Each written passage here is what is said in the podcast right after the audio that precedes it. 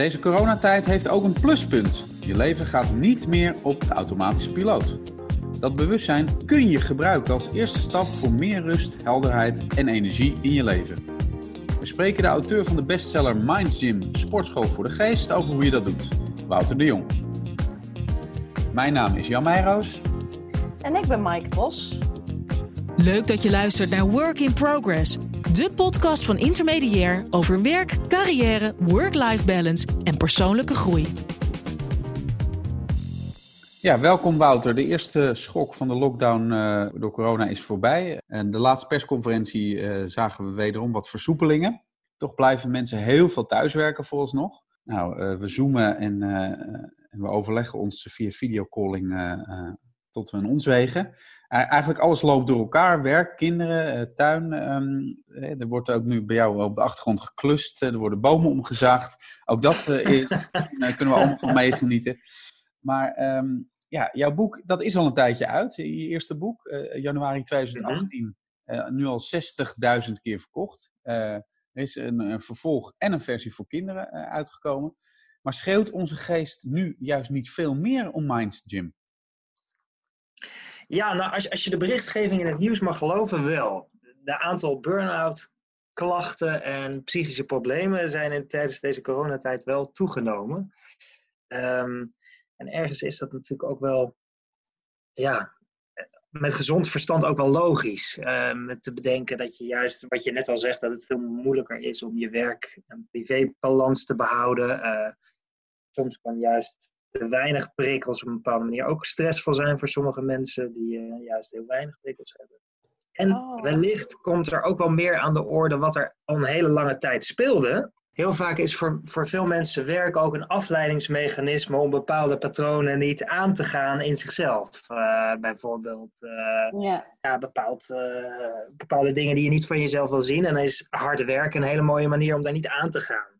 We, we gaan het vandaag over drie thema's hebben. Ehm, wat de theorie erachter is, hoe dat in de praktijk gaat en hoe je dat nou in coronatijd kunt toepassen. En um, ja, je boek heet dus Mind Gym. Met stoere trainingstips en sit-ups als, als oefeningetjes tussendoor. Dat klinkt allemaal heel praktisch en stoer en efficiënt. Maar um, je hele, dat staat ook in, je hele brein helder, effectief en gelukkig maken in twaalf weken. Hoe kan dat? Zijn we zo maakbaar in ons hoofd? Nou, het is, het is net als met uh, sporten. Van, uh, hoe maakbaar is je lichaam? Nou, dat is tot zekere hoogte maakbaar. En net als met je geest. Dus uh, in de sportschool kun je ook trainen aan cardio, aan krachttraining. Nou, zo heb je ook met je geest heb je verschillende hersencircuits die je kunt trainen om een meer allround sporter te worden. En dan ligt het er maar net aan hoeveel je daarin investeert, in hoe nou, gezond je geest daarin is. Ja. Kun je wat vertellen over die hersencircuits dan? Ja, dus uh, volgens de wetenschap zijn er vier onafhankelijke hersencircuits die je kan trainen. Dat is aandacht, veerkracht, positiviteit en altruïsme. En die vier circuits, dat zijn dus ook verschillende delen van de hersenen, die ook door verschillende soorten oefeningen getraind dienen te worden, als je die wilt versterken. Dus uh, ja, net als in de sportschool. Net als in de sportschool heb je voor cardio weer andere apparaten dan voor krachttraining. Ja, precies. Dus je belooft ook niet dat iedereen in twaalf weken helemaal klaar is. Maar het is gewoon hoeveel wil je erin investeren en uh, hoeveel uh, haal je er dan zelf uit eigenlijk? Ja, dus die twaalf weken, dat ja. die, zijn, die correleren met die vier hersencircuits. En daar leg je de basis van waaruit je daarna verder kunt trainen. Want net als met de sportschool is het natuurlijk niet zo dat je daarna klaar bent. Maar dan heb je een goede ja. Gereedschapskist van, van waaruit je zelf uh, je geest kunt gaan trainen. Ja. Nou, ik, uh, ik las ook, dat vond ik in, in jouw boek las ik, dat vond ik echt fascinerend. Uit wetenschappelijke studies bleek ook dat aandachtstraining helpt tegen angst, pijn, piekeren, depressieve gevoelens. En het helpt ook voor geluk, gezondheid, concentratie, besluitvaardigheid en zelfbeheersing. Het zijn allemaal heerlijke het dingen. Maar door. Uh, ja. ja. Als je, als, je, als je nou kijkt naar uh, mensen die, die hierin geïnteresseerd zijn of al een tijdje naar op zoek zijn, ja, waar begin je nou precies? Hoe, hoe, hoe begin je dat en hoe implementeer je dat nou in je dag? Ja, dat, vaak moet je al zoveel. En dan moet je ook nog eens je geest gaan trainen, bij wijze van spreken. Terwijl dat is net het kip of het ei. van je, veel van jezelf moeten. Dus uh, in de light versie uh, zijn dat oefeningen die heel simpel toepasbaar zijn gedurende je dag, zonder dat het extra tijd kost. Dat zou bijvoorbeeld al zoiets simpels kunnen zijn als uh, een paar keer per dag bewust ademhalen. Of meer aandacht brengen in een gesprek. Dat kost je dan geen extra tijd, maar dat zijn dan simpele oefeningetjes. Of bijvoorbeeld je wil minder op je telefoon kijken. Nou, dan zou een mini-workout kunnen zijn dat je het woord aandacht op je duim schrijft. Zodat elke keer op het moment dat je uh, mindless je telefoon wil openswipen, dat je eerst even dat woord aandacht op je duim leest dat je daarna pas bewust, als een mini-workout voor je aandacht, die telefoon openswipt. Dus dat is de light versie en de medium versie en dan vaak audio tracks aan gekoppeld, waarin je 10 à 15 minuten per dag bijvoorbeeld uh, even echt de tijd neemt om je geest te trainen. Maar ook al in die light versie gaat het balletje rollen om je geest te trainen. Wat is er nou zo erg aan als je aandacht afdwaalt? Ja, dus afdwalen is ook heel gezond. En afdwalen zorgt er ook voor dat je bijvoorbeeld denkt aan dat je nog een verjaardagscadeautje moet uh, kopen voor je nichtje, wat je was vergeten. afdwalen zorgt er ook voor dat je verbanden kan leggen en dat je op nieuwe ideeën kan komen. Uh, als je aandacht heeft, is dat geen pleidooi om nooit meer afgeleid te raken. Dat is heel gezond, maar het is meer dat jij kan kiezen op welke momenten je volledige focus wilt en welke momenten het gewoon oké is om afgeleid te zijn. En dat wil je meer in de hand hebben, zodat jij kan bepalen waar jij je aandacht op richt, zodat jij kan bepalen uh, dat je je aandacht richt op wat voor jou het allerbelangrijkste is. En dan heb je dus nog twee andere delen. Je hebt ook nog um, compassie trainen en geluksvaardigheid mm -hmm. trainen. Ja, dus de compassie, uh, dat gaat veel meer over veerkracht en hoe jij met lijden en pijn en moeilijkheden omgaat. Dus hoe kun je overeind blijven uh, te midden van de stormen in je leven? Nou, voor veel mensen is, is de, de coronacrisis nu wel een stormpje in hun leven. Dus nu zou je denken, compassie trainen, uh, daar moeten we ons extra op focussen. Ja, zeker. Ja, zeker. Dus op het moment dat jij nu met moeilijkheden kan, nou, dan kan compassietraining kan je heel erg helpen om op een gezondere manier daarmee om te gaan. Dus, en dan niet alleen bij jezelf, maar ook uh, dat je daar meer open staat voor, voor de ander. Bijvoorbeeld uh, als je het hebt over op je werk en je hebt een, uh, nou, je moet iemand ontslaan. Dan kan je dat natuurlijk met heel veel verschillende intenties doen.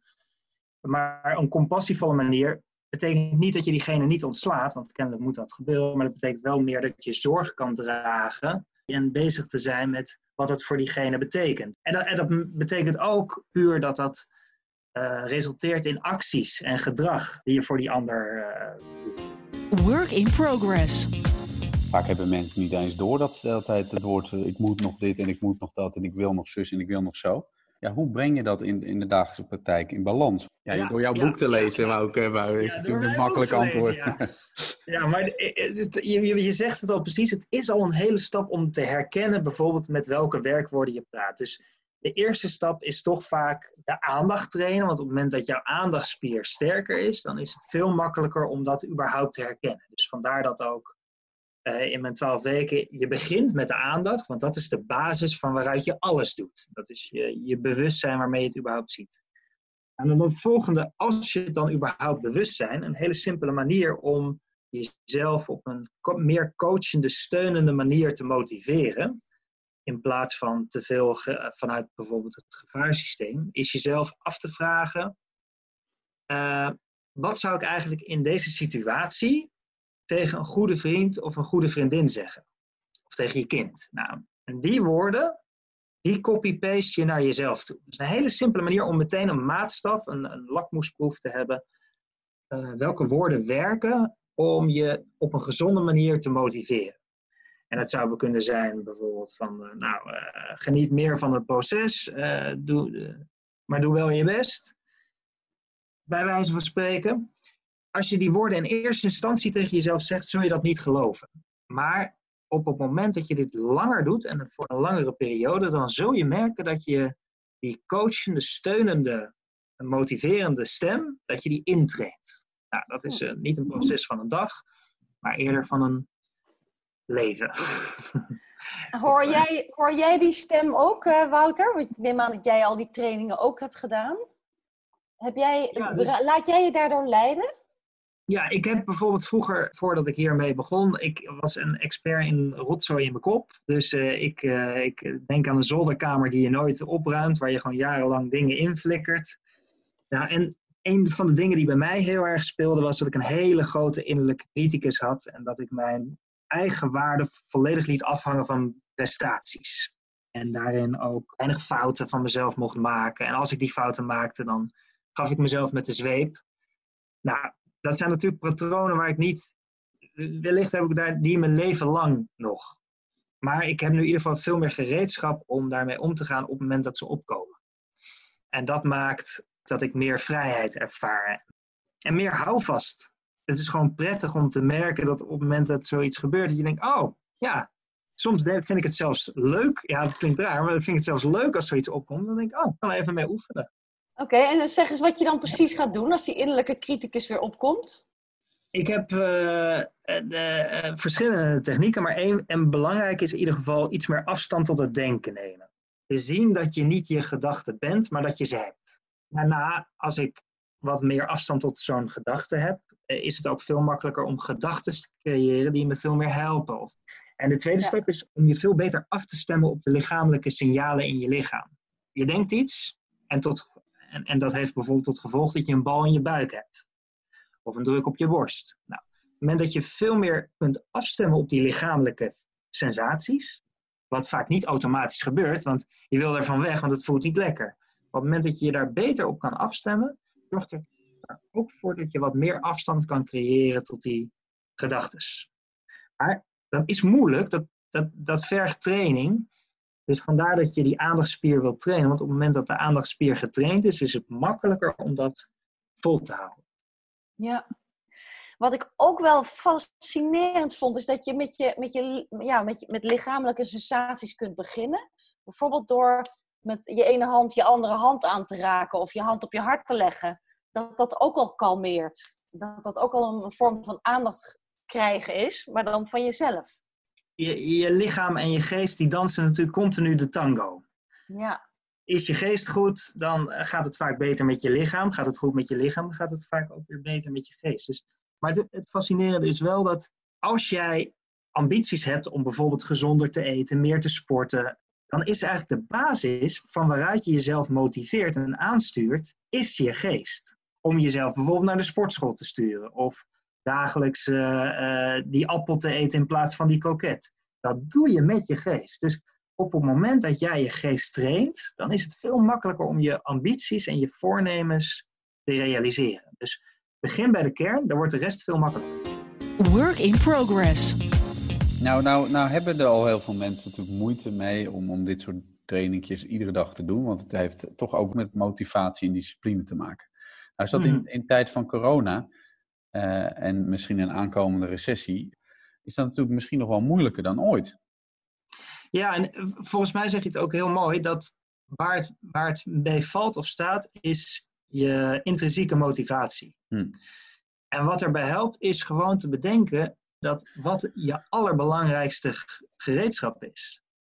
En dat is je geest. Als voorbeeld, in de, in de middeleeuwen werd gezondheid nog niet gelinkt aan gezond eten. Eh, In het begin vorige, vorige eeuw werd gezondheid nog niet gelinkt aan sporten. Als je mensen in het park zag rennen, dan dachten ze wel een dief. Nou, tegenwoordig is mentale training is al iets veel meer gekoppeld aan gezondheid.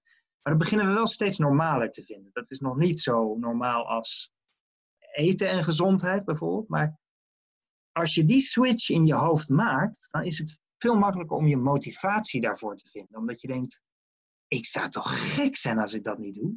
Daar stil bij staan geeft je juist die discipline om wel die vijf minuten te pakken. Of het nou coronatijd is of niet. Maar dat helpt om jezelf dagelijks even te herhalen. Eh, en ik vind zelf daar wel een mooie zin bij. Eh, die staat ook in mijn eigen agenda.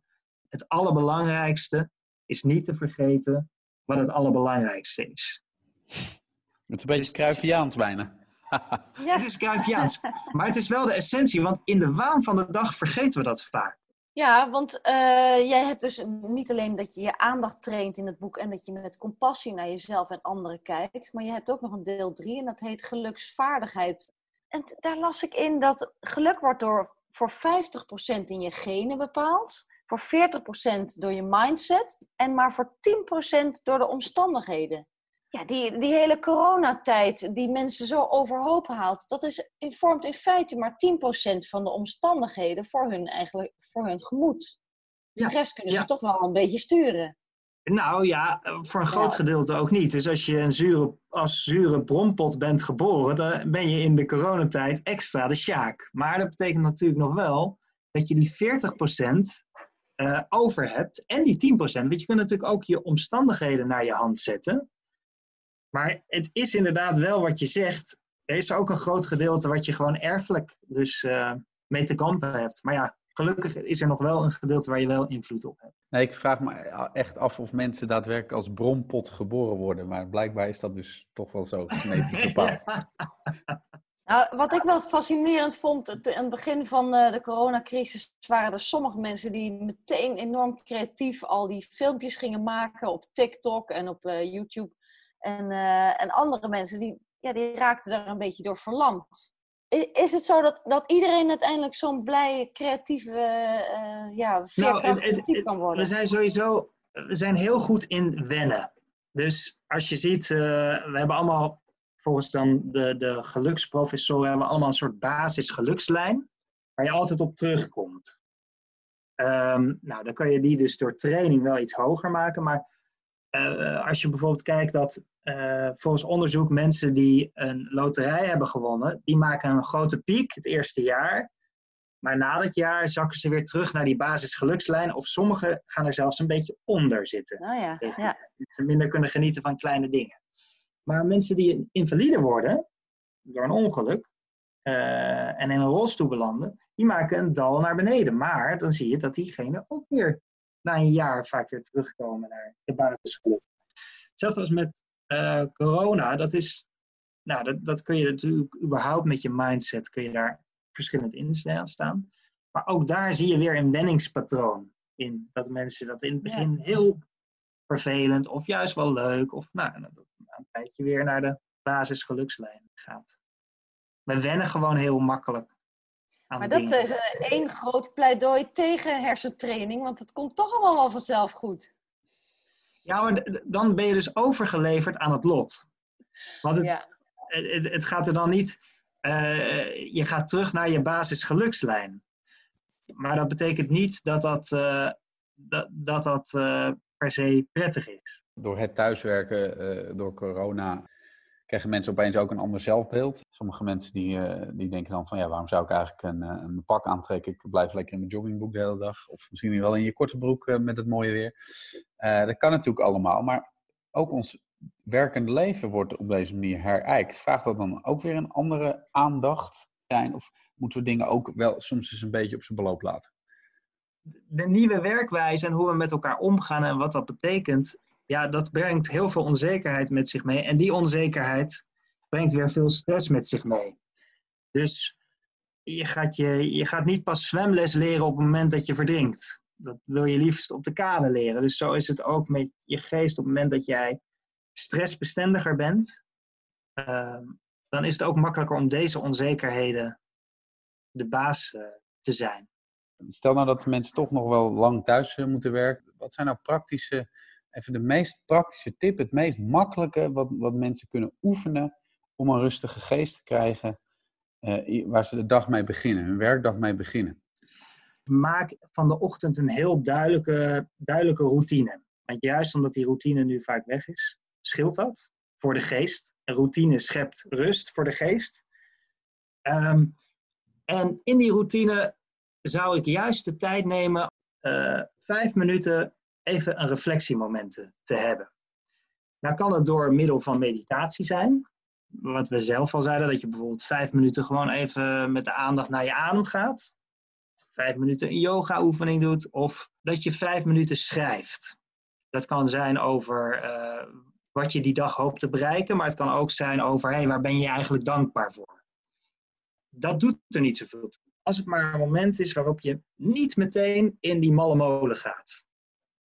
Nou, wat misschien denk ik ook wel een, een, een goede is uh, voor deze tijd, omdat we veel binnen zitten, is wat heel gezond is voor de geest, is uh, het, vanuit het altruïsme circuit, waar we het eerder al, over hebben gehad, is dat je juist ook meer op een gezonde manier met de ander bezig bent. Dus dat je meer bezig bent met geven of bijdragen. Dus ik zou voor de mensen ook de 5-minute favor willen voorstellen. Namelijk, je doet 5 minuten per dag. Besteed je compleet belangeloos aan iemand anders. En dan heb ik het niet over je kinderen en je vrouw. Maar uh, je denkt, nou, ik, wie, ga ik, uh, wie heeft er nu moeite met werk vinden? Die ga ik koppelen aan iemand anders. Of ik ga op zoek naar een goed doel waar ik geld naar ga storten. Dus dan heb je nog 23 uur en 55 minuten ik-tijd. Maar die 5 minuten besteed je volledig belangeloos aan de ander zonder iets terug te verwachten. Je ziet bij het uh, hersencircuit van altruïsme dat op het moment dat je subtiel stiekem iets terug verwacht, dat het hersencircuit niet oplicht. Oh. En dat je het niet traint. Dus die vijf minuten, die, nou, je hoeft er helemaal niks voor terug, maar je gaat het volledig voor die ander uh, zonder uh, een dankjewel te hoeven horen. Um, nou ja, en we hadden het net al over je woordgebruik. Over, je, je spreekt zo'n 300 tot 1000 woorden per minuut tegen jezelf. Nou, als je het nou moeilijk hebt in deze coronatijd, is een hele simpele manier om jezelf beter te motiveren. Dan blijkt het dat je jezelf beter kan motiveren vanuit de tweede persoon in plaats vanuit de eerste persoon. Dus je kan beter zeggen, je kan het, Wouter, in plaats van ik kan het. Nou, de verklaring daarvoor is dat je daardoor makkelijker het perspectief van een buitenstaander aanneemt en daardoor jezelf makkelijker kan sturen. Dat is grappig. Ja, dat is wel, dat is wel leuk. Daar ga ik, die ga ik, daar ga ik eens even goed over nadenken. Dankjewel Wouter voor de vertalingen van jouw oefeningen uit je boek naar de situatie van nu. En ook je praktische tips. En uh, via je boek kun je ook nog een aantal audiotracks benaderen voor meditaties en andere oefeningen. In ieder geval leuk dat je luisterde naar deze Work in Progress. En tot de volgende aflevering. Dag! Dit was Work in Progress, de podcast van Intermediair. Check voor meer informatie over dit onderwerp intermediair.nl.